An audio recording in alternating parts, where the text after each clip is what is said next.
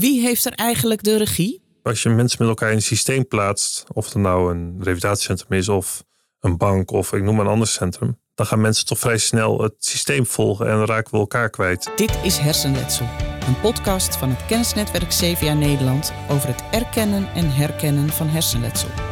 Deze podcast richt zich op verpleegkundigen en paramedici. De presentatie is in handen van journalist Reinier van de Vrie. In deze aflevering spreekt hij met Rutger Slump, die een paar jaar geleden een herseninfarct kreeg en daarover het boek Hoofdstuk schreef.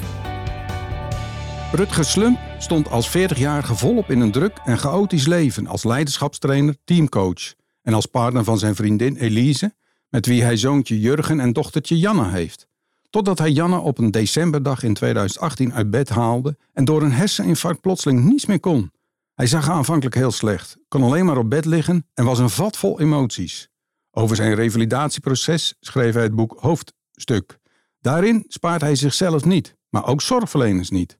In deze podcast spreek ik met hem over zijn emoties en over zijn ervaringen met revalideren en met de zorgwereld. Welkom Rutger. Dankjewel.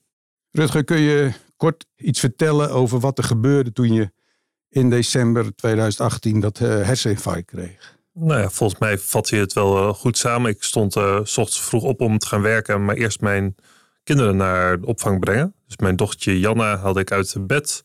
En op dat moment voelde ik een soort duizeling, zwaar vliegtuigmotorgeluid in mijn hoofd. En ik dacht, dit is niet oké. En vervolgens lag ik al vrij snel op de grond. En heb ik met mijn vriend over gehad over, goh, moeten we de ambulance bellen? Alleen, achteraf gezien, ik was niet goed verstaanbaar meer. Maar ik dacht van wel. En er was wel iemand in de buurt om snel een ambulance te bellen? Nou, dat heeft mijn vriendin gedaan. Maar om half acht s ochtends stond alles voor de deur. Met ambulance, brandweer, om me van de trap af te halen. En de hele buurt keek toe. Het is nu twee jaar later zo ongeveer. En ben je nu weer helemaal de oude of kwam je nog steeds met problemen en beperkingen? Nou ja, mijn energie is nog niet briljant. Ik werk wel weer gewoon, of gewoon. Ik heb een werk waarbij je vrij lange dagen maakt. Die dagen heb ik korter gemaakt. Dus ik kan acht uur achter elkaar wel maken. En dan heb ik ertussen rustmomenten. En bijvoorbeeld met sporten. Ik, uh, hardlopen kan ik niet meer zo goed. En zo zijn er nog een aantal dingen. Maar die energie is vooral heel irritant. Je schreef hierover, over je ervaringen met revalideren en met het hele proces. Schreef je boeken Hoofdstuk. Je noemt het een uh, roman. Waarom noem je het een uh, roman? Want het zijn toch wel waarheidsgetrouwe ervaringen die je hebt uh, opgedaan? Nou, ik heb het boek geschreven eerst gewoon om mijn linkerhand te oefenen tijdens mijn revalidatie. En daarna heb ik het samengevat voor mijn kinderen. En daarna was er een uitgever die zei ik wil het wel uitgeven. Dus het boek is geen journalistiek stuk. Het is een ervaring wat ik heb gehad tijdens het revalideren. En ik heb een aantal dingen natuurlijk samengevoegd ook voor lezerspubliek. Dus vandaar dat ik het een roman heb genoemd. Maar 99% klopt wel zo ongeveer. Het is meer werkelijkheid dan fictie. Ja, veel meer. Ja, ja. ja, ja. ja. Maar toen denk ik ook, goh, heb ik dit nou echt meegemaakt? Dan denk ik, ja, ik heb het toegeschreven, ik heb het echt meegemaakt. Ja. Maar je hebt het gelijk ook gebruikt als uh, therapeutisch uh, proces eigenlijk. Ja, toen wist je nog niet dat het een boek zou gaan worden waarschijnlijk. Nee, nee het als therapeutisch proces, dat, het is vooral voor mijn linkerhand als therapie geweest. En ook ongetwijfeld als verwerking van zaken. Maar daarvoor heb ik het eigenlijk niet geschreven. Nee, nee.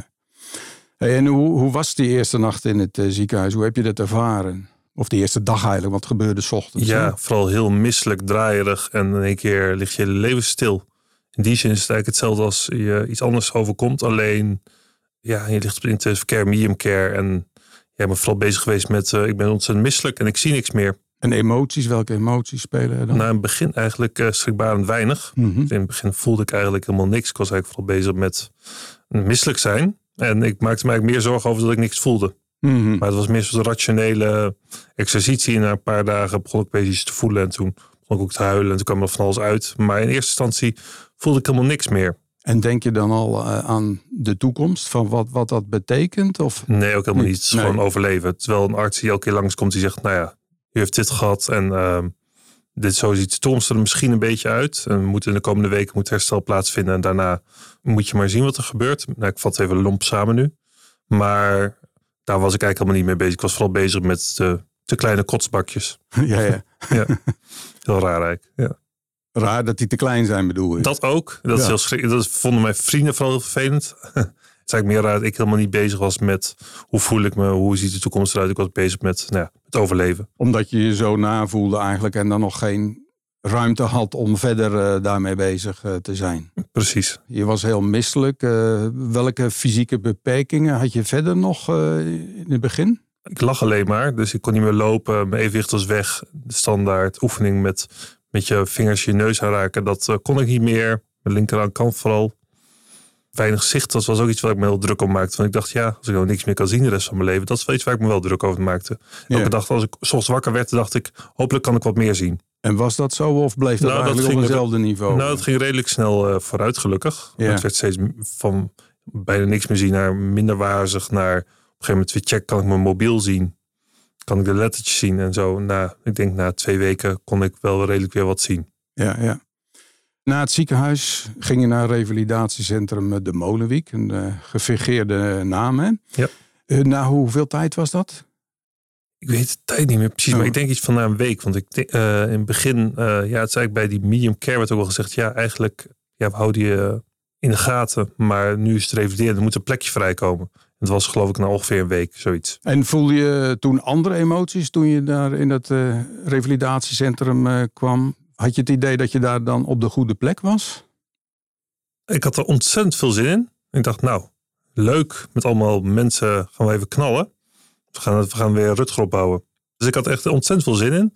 Alleen toen ik daar binnenkwam was de temperatuur 25 graden of zoiets. En vooral veel bejaarde mensen om me heen. En ja, er, zat helemaal niet, voor mij betreft helemaal niet de modus in van we gaan knallen hier. Maar Mhm. doe maar rustig aan. Dus ik dacht, god, ben ik hier wel op de goede plek? Ja. Want knallen, hoe, eh, wat, wat bedoel je daarmee? Nou ja, ik had, ik had ook een filmpjes ooit gezien van mensen die met eh, hun been verliezen en dan met elkaar keert eh, weer op harde muziek gaan proberen weer hun leven op te bouwen. En dat, dat beeld had ik bij een revalidatiecentrum.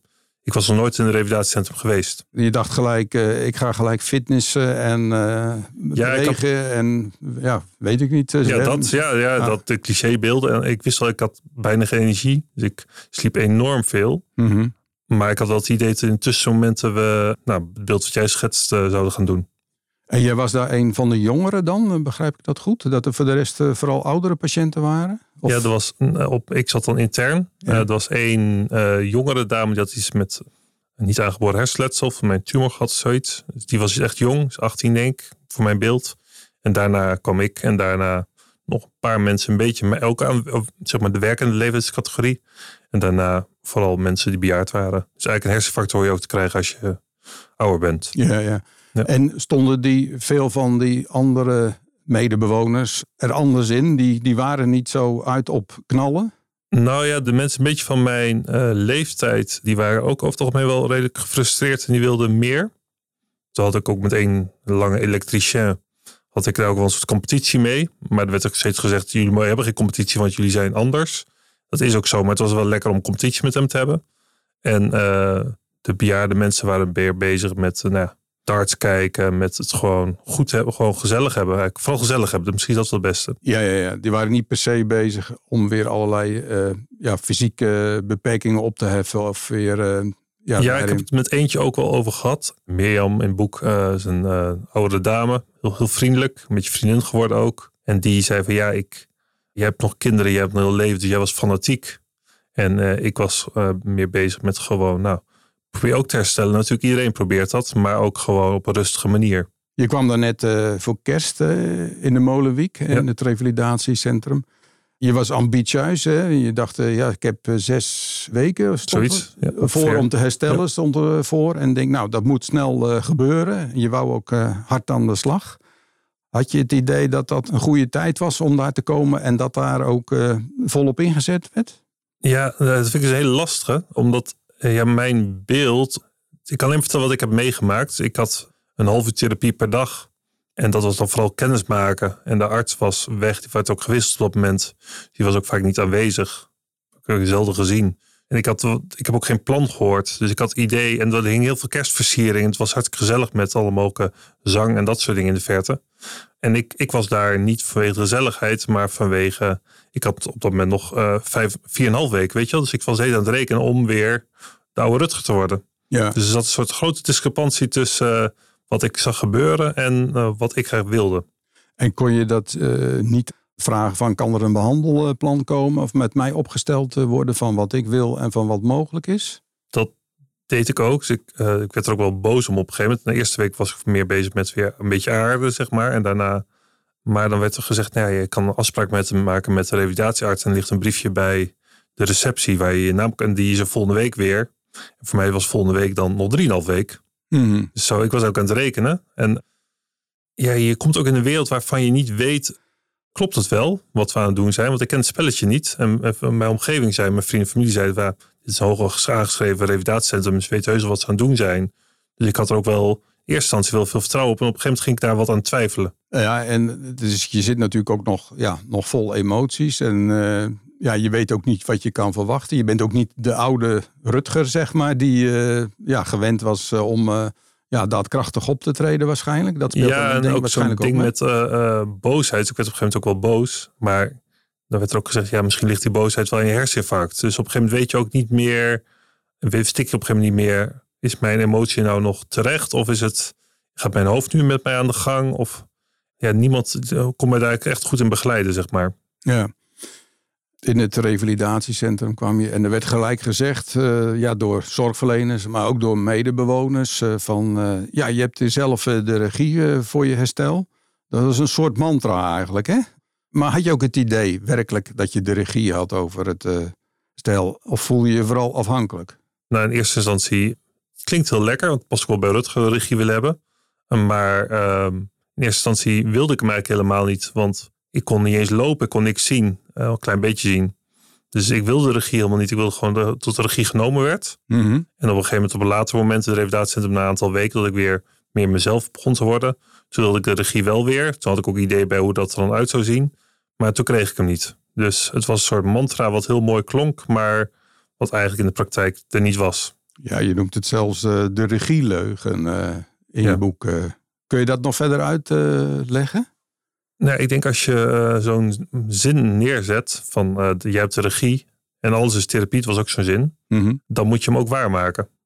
Dus als ik dan de regie heb, dan, dan moet je ook aan mij vragen, goh, wat wil je nu precies Rutger? Als ik dan zeg, goh, ik wil drie keer therapie op een dag, dan ga je als professional hoop ik wel in mijn gesprek van, is dat dan wel verstandig? Maar de regie ligt bij mij. Dus dan, zoals ik zeg, ik wil acht uur therapie op een dag. In principe heb ik de regie. Maar zo werkt het natuurlijk niet, dat snap ik ook wel. Ik ben niet helemaal naïef er zit iets tussen, zeg maar. En op een gegeven moment had ik wel idee over regie. Dus ik wilde een bepaalde revalidatiecoach. Ik had een nieuwe functie verzonnen, uitgedacht. En die kreeg ik niet. Want die bestond niet. En ik, ja, als je zegt, uh, je hebt de regie, dan heb ik hem wel.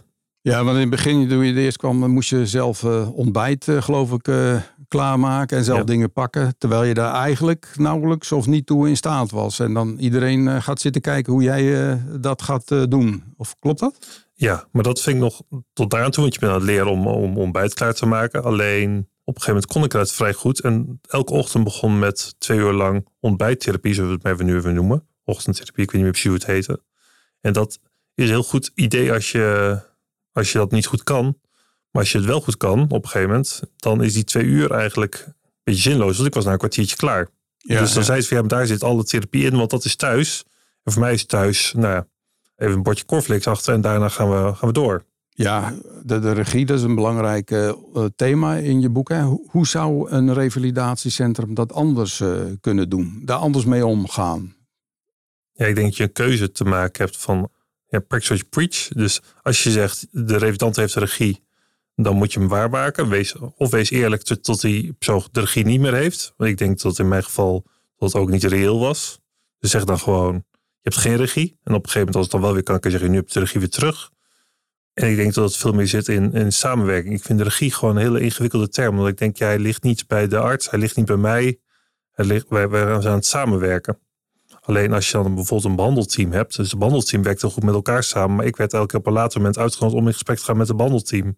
Dat is niet, dan heb ik dus de regie sowieso niet. En had je dan het idee dat je daar uh, inbreng kon hebben in het behandelteam en in je behandeling? Ja, zeer beperkt. Ja, te beperkt. Ja, dus ik had dan, om één keer in zoveel weken had je dan een gesprek met het behandelteam. En dan vooraf kreeg je dan een brief met de uitslag van hun gesprek vooraf al. Dus eigenlijk wist je al wat er uit het gesprek ging komen. En desondanks, ik was zo koppig dat ik dan mijn hele mobiel volschreef met alle mogelijke punten die ik nog wilde. En dan werd er gezegd na punt 3 van 20, uh, van nou dankjewel meneer Slump. We moeten door, want we hebben maar een kwartiertje, ik noem maar iets. Ja, ja. En ik dacht, ja, ik dacht dat het mijn overleg was. Of ons overleg. Maar eigenlijk ga ik nu aanhoren wat jullie bedacht hebben. Dus ik werd er ook een beetje moedeloos van. Ander punt is, hè, als je emotie toont, bijvoorbeeld eh, boosheid, eh, dan eh, ja, ze kijken je begripvol aan, maar ze vragen eigenlijk nooit echt door, geef je aan in het boek. Hebben ze te weinig empathisch vermogen? Nou, vermogen misschien niet, maar tonen ze te weinig Ja, ja. empathie? Nou ja, ja, ja, ja, dat denk ik wel, ja. Iedereen doet heel aardig. Ik denk dat je op een gegeven moment wel de vraag hebt, hoe is het nou echt met je Rutger? Dus niet als formaliteit, zeg vrouw, hoe is het met je? Of, maar op een gegeven moment, ja, ik was gewoon zwaar gefrustreerd. Na twee weken al. Nou, ik had iemand eh, daar contact op moeten maken. Ik, had, ik voelde me niet gezien in mijn worsteling. Nee, nee. Dus het systeem ging gewoon door. Terwijl ik nou, aan alle kanten wel duidelijk was dat, het, eh, dat ik het niet naar mijn zin had. Dus dat is belangrijk eh, dat zorgverleners daar ook tijd voor nemen en daarop doorvragen. En kijken wat de echte emoties zijn en wat je daarmee kunt doen. Of alleen daar al over praten is, dat zou Ja, ik denk bij, eh, bij een herseninfarct zeker. Het is anders dan een been breken. Tot eh, eh, je, ja, je emoties en hoe je je voelt en hoe je eigen beeld. Dat je dat weer terug te zoeken hebt. En dat kan eigenlijk alleen als iemand echt contact met je maakt. Maar als ik een professional tegen mij over heb, heb die, ik noem maar fysiotherapie op me toepast. Terwijl ik gefrustreerd ben, dan voel ik me niet gezien in, in wie ik ben, zeg maar. Dus ik snap wel dat je dan je therapie aan het doen bent. Maar ik kan dan helemaal niet meedoen, want ik ben ondertussen gefrustreerd over iets anders. Ja, je gaat zelf nog een stapje verder. Je zegt, het team zitten vooral eh, vrouwen die liefdevol glimlachen, vriendelijk knikken, bemoedigend eh, knipogen, begripvol hummen, keren van plezier in ongemakkelijke situaties. En je noemt dat horror, erger dan een autoritair managementteam. Dat is nogal wat. Vind je? Ja. Nou ja, als het eh, zorgverleners zijn die jou verder moeten helpen. Ik werk vrij veel met managementteams of managers aan zich. En daar zit soms een narcistische eikels tussen. Maar dan weet je gewoon, dat is een narcistische eikel. En dan weet je gewoon wat je, wat je aan die persoon hebt. Die probeert er ook niet omheen te draaien. En bij de zorg merkte ik wel dat het, iedereen was heel vriendelijk. Maar ik dacht, ik weet helemaal niet wie jij bent en waar je voor staat. Wat je nou ook van me vindt. Het contact was er niet. Dus ik dacht ook elke keer, ik stap in een soort valkuil. Van allemaal, allemaal mensen heel lief naar me lachen. Een beetje als de witches van Roald Dahl. Mhm. Maar wat gebeurt hier nou eigenlijk werkelijk? Een normaal contact is er eigenlijk niet. Nee. Eh, Het is een heel andere wereld dan de buitenwereld. Eh, Ja, dus daarom ook met, met vrijwilligers. ja, die waren niet zozeer bezig met hun rol als professional. Die waren gewoon mensen. En die, als die van iets van mij baalden, dan als ik te langzaam liep bijvoorbeeld, zeiden ze, hey, loop te langzaam. En dat is ja, hartstikke lomp. Maar dat, dat ja, is wel oprecht en eerlijk. En, het is gewoon, en dat, daar vond ik ook weer iets van. Maar daar heb je het dan met elkaar even over. ja, ja, als je een, een, een zorgverlener hebt die dan voor je gaat lopen zorgen. denk je, ja, goh, eh, eh, hoe verhouden wij ons tot elkaar? En het is, het is best wel een intensief proces wat je met elkaar doorgaat. Ja, ik heb geen kriebels van professionals. Ik ben gewoon Rutger en jij bent een professional. Dus hoe verhouden we ons tot elkaar? Een vrijwilliger, die, die was gewoon zichzelf. Met alle lelijkheid van dien. Haar lelijk, tattoos. En dat schrijf ik in het boek ook wel. En het was gewoon wel oprecht contact. Mhm. Het was niet altijd even prettig of zoiets, maar daar ging het maar eigenlijk ook niet zozeer om. Het ging meer over, hebben we een oprecht contact nu met elkaar? Of, of, of spelen we nu iets? En met die vrijwilligers was het geen spel. Het was gewoon de rauwe buitenwereld die even binnenkwam. En binnen het centrum was het allemaal heel liefelijk. Heel aardig. Die vrijwilligers waren gewoon eh, lekker anders. Heel fijn. Ja. En wat is voor jou dan de ideale zorgverlener? eh? want je hebt ook wel goede getroffen waar je wel tevreden over was. ja, Hè? ja. Wat zijn daar de kenmerken dan eh, van? Het zijn gewoon allereerst gewoon mensen. Het zijn niet zozeer professionals, maar gewoon een, een mens tegenover me. Iemand die mij echt zag, zeg maar, in mijn worsteling. Of het nou terecht was of onterecht. Maar die daar ook wel iets over durfde te zeggen. Maar en, en ook om het systeem heen durfde te gaan. Dus die gewoon creatief. Op een gegeven moment een, een neuroloog. En die, eh, eh, die zag mij na bij zoveel eh, maanden check. En die zei, nou, het gaat gewoon niet goed met je. Ik regel iets anders voor je. En dat was niet iets wat ze had hoeven doen. Of wat volgens het boekje daarbij hoorde. Maar die gewoon ook druk maakt om mijn lot. Ja, want je zegt het om het systeem heen. Klopt het systeem in zo'n eh, revalidatiecentrum niet altijd dan voor een goede revalidatie? Nou ja, misschien is het voor de, de middenmoot prima. Ik noem het zo 80%. Je hoort 65 zijn ongeveer bejaard. En je bent op weg naar je bejaardenwoning. Maar ik was gewoon nog 40 en ik eh, had twee kinderen. En eh, ik wilde gewoon nog alles uit leven halen. Ik paste daarmee niet in het stand revalidatiepad. En ik denk, je moet wel blijven kijken. Wie heb ik nou tegenover me en wat wil die? En als ik onredelijk ben, mag je ook best tegen me zeggen: Goh, Rutger, doe niet zo onredelijk. Maar blijf dan niet heel aardig doen en blijf niet zijn pad volgen als het pad niet klopt. En ik heb wel met een aantal mensen afgelopen gesproken die zeiden, ja, het pad klopt niet bij jou. En toch zijn we doorgegaan. Maar de, de kern is dan eigenlijk een beetje dat je een wat uitzonderlijke nou ja, patiënt was. Omdat er van jouw soort niet zoveel waren. Van die leeftijdscategorie en mensen die ook weer heel snel willen knallen en uh, herstellen. Ja, ik denk, ik denk dat ik een buitencategorie was. Stel zijn 20%, dan is het al best wel veel. Ik kwam best wel een aantal mensen tegen van mijn leeftijd. En die hadden allemaal vergelijkbare frustraties. En iedereen gaf het op een gegeven moment maar op. Dat is ook een soort verdrietig iets. En dat ligt niet zo in jouw aard om op te geven? Nou ja, dat ben ik op een gegeven moment ook gedaan. Op een gegeven moment dacht ik, ja, ik, uh, ik heb het revalidatiecentrum nodig omdat ik, uh, omdat ze me ook helpen met mijn herstel, natuurlijk ook. Hè? Uh, en ik kan niet naar huis toe. Ik kan nergens heen. Ik kan niet naar mijn werk toe. Kan, ik moet hier ook wel, dus ik moet er niet uitgegooid worden. En tegelijkertijd probeer ik de grens op te zoeken. Dus daar was ik de hele tijd mee. Ik was continu bezig met hoe, hoe hou ik de relatie goed en maar kan ik wel een beetje doen wat ik zelf ook wil. Omdat je ook het idee had van ja, dit is toch wel de plek waar ik moet herstellen. Want thuis was ook geen optie op dat moment nog. Nee, ja, ja ik, zou niet, ik zou niet weten waar ik heen moest, zeg maar. Ik, ja, ik kon naar huis, maar uh, mijn vriendin was ook bezig met haar leven weer een beetje op orde te krijgen. Twee kleine kinderen met heel veel prikkels. Ja. Op een gegeven moment voelde ik me ontzettend verloren. Alleen van waar moet ik in hemelsnaam op deze wereld nog heen? Ja, ja. Dus, dus, dus, om dat ook weer op te vangen, had ik dus wel grote behoefte om weer een beetje zelfstandig te worden. Om ook weer een leven op te kunnen bouwen. Wat zou, dus hier, wat zou een centrum hier beter in uh, kunnen doen? Nee, ik had erover nagedacht. Misschien een beetje paradoxaal. Maar ik denk dat zorgverleners moeten stoppen met uh, in revalidatiezorg stoppen met zorgen. Dat, uh, dat klinkt interessant. ja, misschien begin wel hoor. Ik denk in het begin ook, ik kon niks meer. Dus dan heb je gewoon iemand nodig die gewoon helpt met eten, met lopen en met aankleden. Dan wel, maar zodra iemand weer een beetje gewoon weer mensen wordt, zodat ik weer Rutger word, dan wil ik geen zorg verlenen. Ik wil gewoon een, een, een partner die met mij samen mij probeert zo ver mogelijk te krijgen. En gewoon horizontaal in elkaar in de ogen kijken. Gewoon twee mensen en we proberen het maximale eruit te halen. Waarbij ik ook echt wel verwacht van een professional die gewoon ook zijn professionaliteit inbrengt. Ik weet echt veel minder van herseninfarcten en van revalidatiezorg nog steeds. Maar tegelijkertijd weet ik wel heel veel over mezelf en over wat ik graag wil.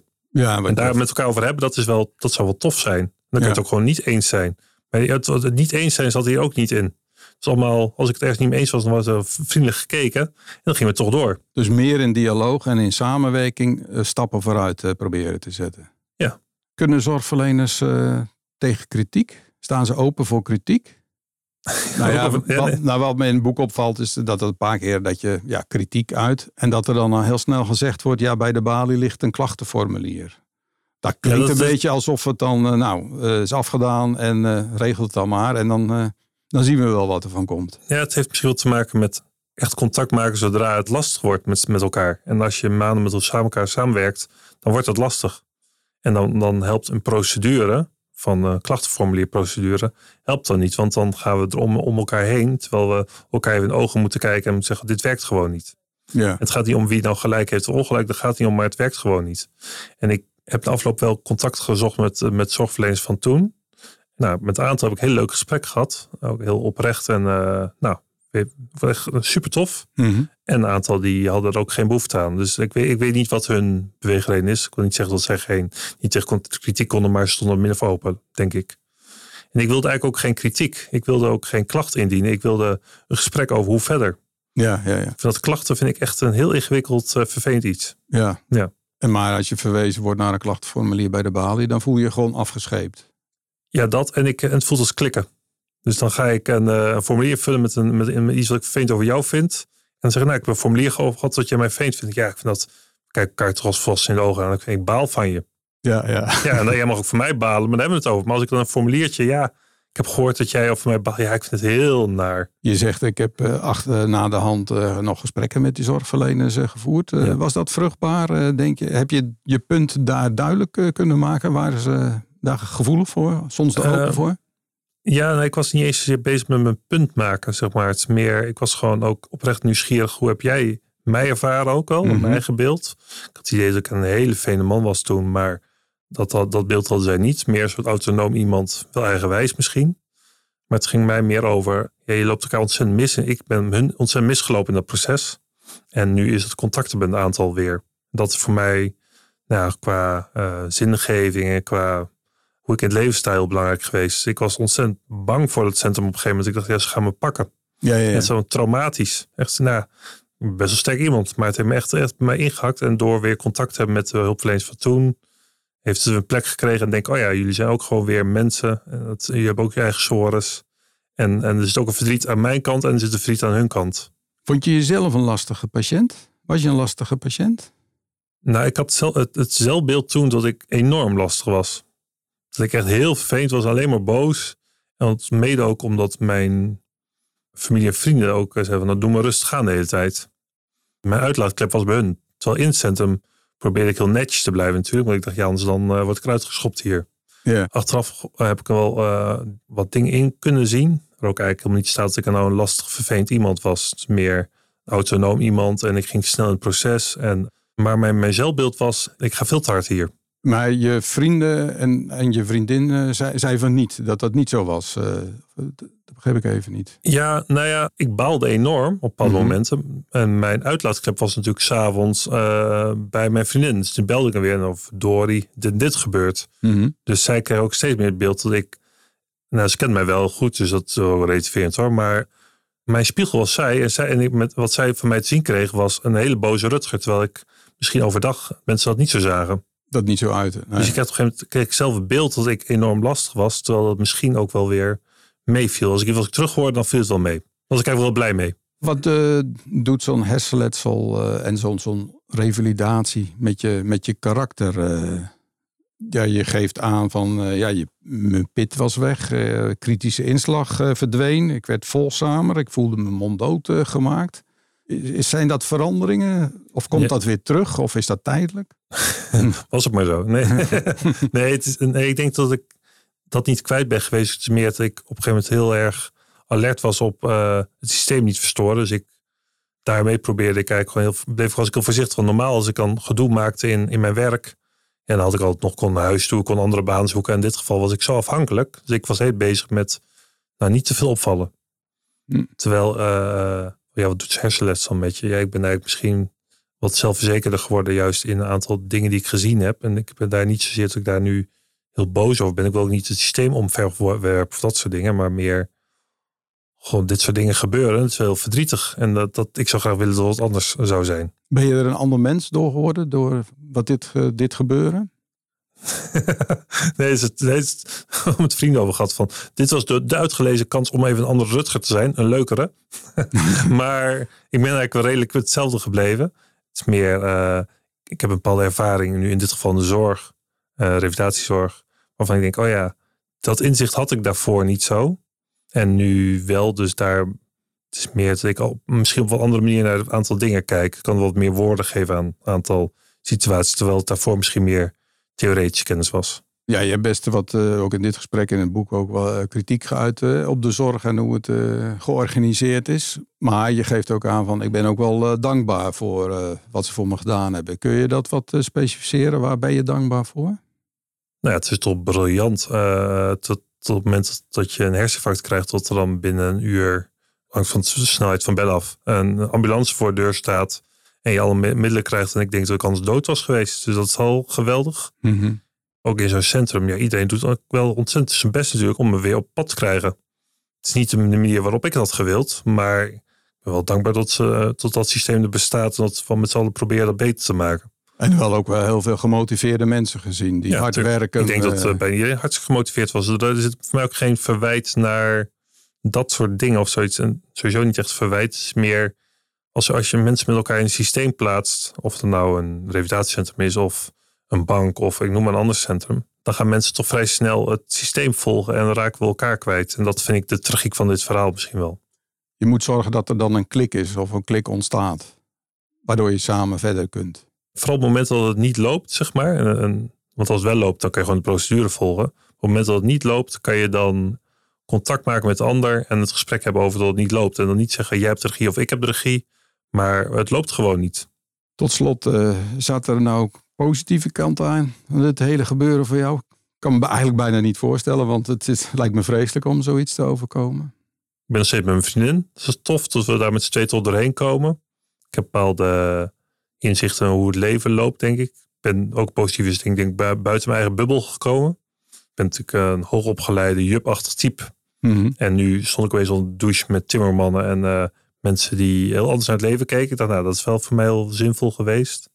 Nou, bepaalde dingen waarvan ik dacht altijd van ja, ik twijfel of, of ik het dan wel goed zie. Dat heb ik nu meegemaakt over mensensystemen. Ik denk, ja, daar kan ik nu wel iets over zeggen. Dus dat is wel het positieve eraan. En ik heb een aantal hele toffe mensen ontmoet gewoon. Ook uit de revalidatiezorg. Wil je tenslotte nog eh, andere dingen kwijt uh, naar aanleiding van dit gesprek? Ik hoop dat het boek en zo is niet om een punt te maken, maar meer een uitnodiging tot met elkaar verder komen. Dus nodig me vooral uit om uh, te helpen. Het is geen afrekening. Nee, uitnodiging tot uh, dialoog. En, ja, dialoog. En niet alleen dialoog, maar ook echt dingen met elkaar gaan doen om te gaan kijken of het uh, ook beter anders kan. En niet specifiek met jou, maar met andere patiënten of mensen die in een revalidatietraject. Ja, maar ik maak sowieso contact met mensen om je heen. Maar ook met mij, zeg maar. Dus ik help je graag verder als ik dat kan. Ik ben heel veel buitenbeentjes tegengekomen aan de professionele kant. Die ze allemaal ook niet helemaal gezien voelden. Die ook moeite hadden. Dezelfde moeite die ik had, die hadden zij op Padmir ook. En die voelden ze ook allemaal heel eenzaam. Dus ontzettend veel eenzaamheid overal. En ik goh, zouden we niet met elkaar weer elkaar in oog kunnen kijken en dan met elkaar kunnen gaan bouwen? Want okay. het is niet te verwijten naar iemand toe. Dus dat denk ik een mooi slot van dit gesprek. Ja, ik vond het een ontzettend interessant gesprek. Hartelijk dank, Rutger. Dankjewel. U luisterde naar Hersenletsel, de podcast van Kennisnetwerk CVA Nederland over gevolgen van hersenletsel. Andere afleveringen zijn er met Lianne van Dam over cognitie, met Frank Wiendels over gedragsverandering, met Jessica Bruyel over vermoeidheid en met Joost Heutink over visuele stoornissen. De podcasts zijn te beluisteren via Spotify, Apple Podcasts, via jouw favoriete podcast-app en op de website van Kennisnetwerk CVA Nederland. Deze podcast is mede mogelijk gemaakt door de Hersenstichting.